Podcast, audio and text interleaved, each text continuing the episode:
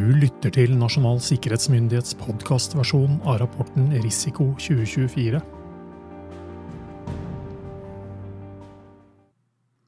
Episode 9 Et felles arbeid for å kartlegge Norges verdier. Det er gjort viktige fremskritt innen nasjonal verdikartlegging siden 2022.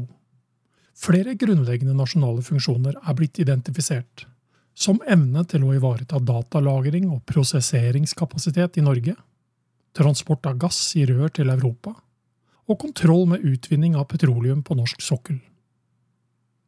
Dermed har utvalgte virksomheter som understøtter disse funksjonene, blitt underlagt sikkerhetsloven. Det gir virksomheten en utvidet sett med virkemidler til å sikre sine verdier, som sikkerhetsklarering av personell og tilgang på gradert trussel- og risikovurderinger fra myndighetene. Det bidrar til å sikre egen drift og til å opprettholde grunnleggende nasjonale funksjoner som kommer samfunnet til gode. Tross fremskritt i nasjonal verdikartlegging gjenstår fremdeles mye arbeid med å utpeke og sikre viktige verdier. Verdikartlegging er en dynamisk prosess som må tilpasses gjeldende risikobilde.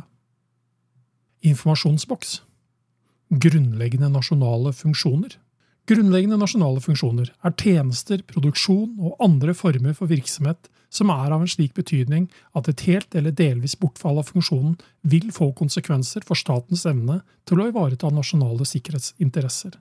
Per februar 2024 er det pekt ut 48 grunnleggende nasjonale funksjoner. Se for øvrig oversikt på nsm.no. Informasjonsboks Hvem sikrer din kraftleveranse?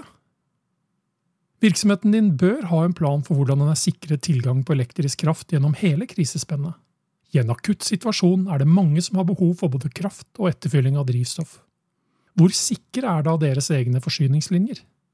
Dersom virksomheten er underlagt sikkerhetsloven og har behov for kraft utover det som kan sikres med egenberedskap, må avhengigheten kartlegges og meldes inn til overordnet departement og NSM.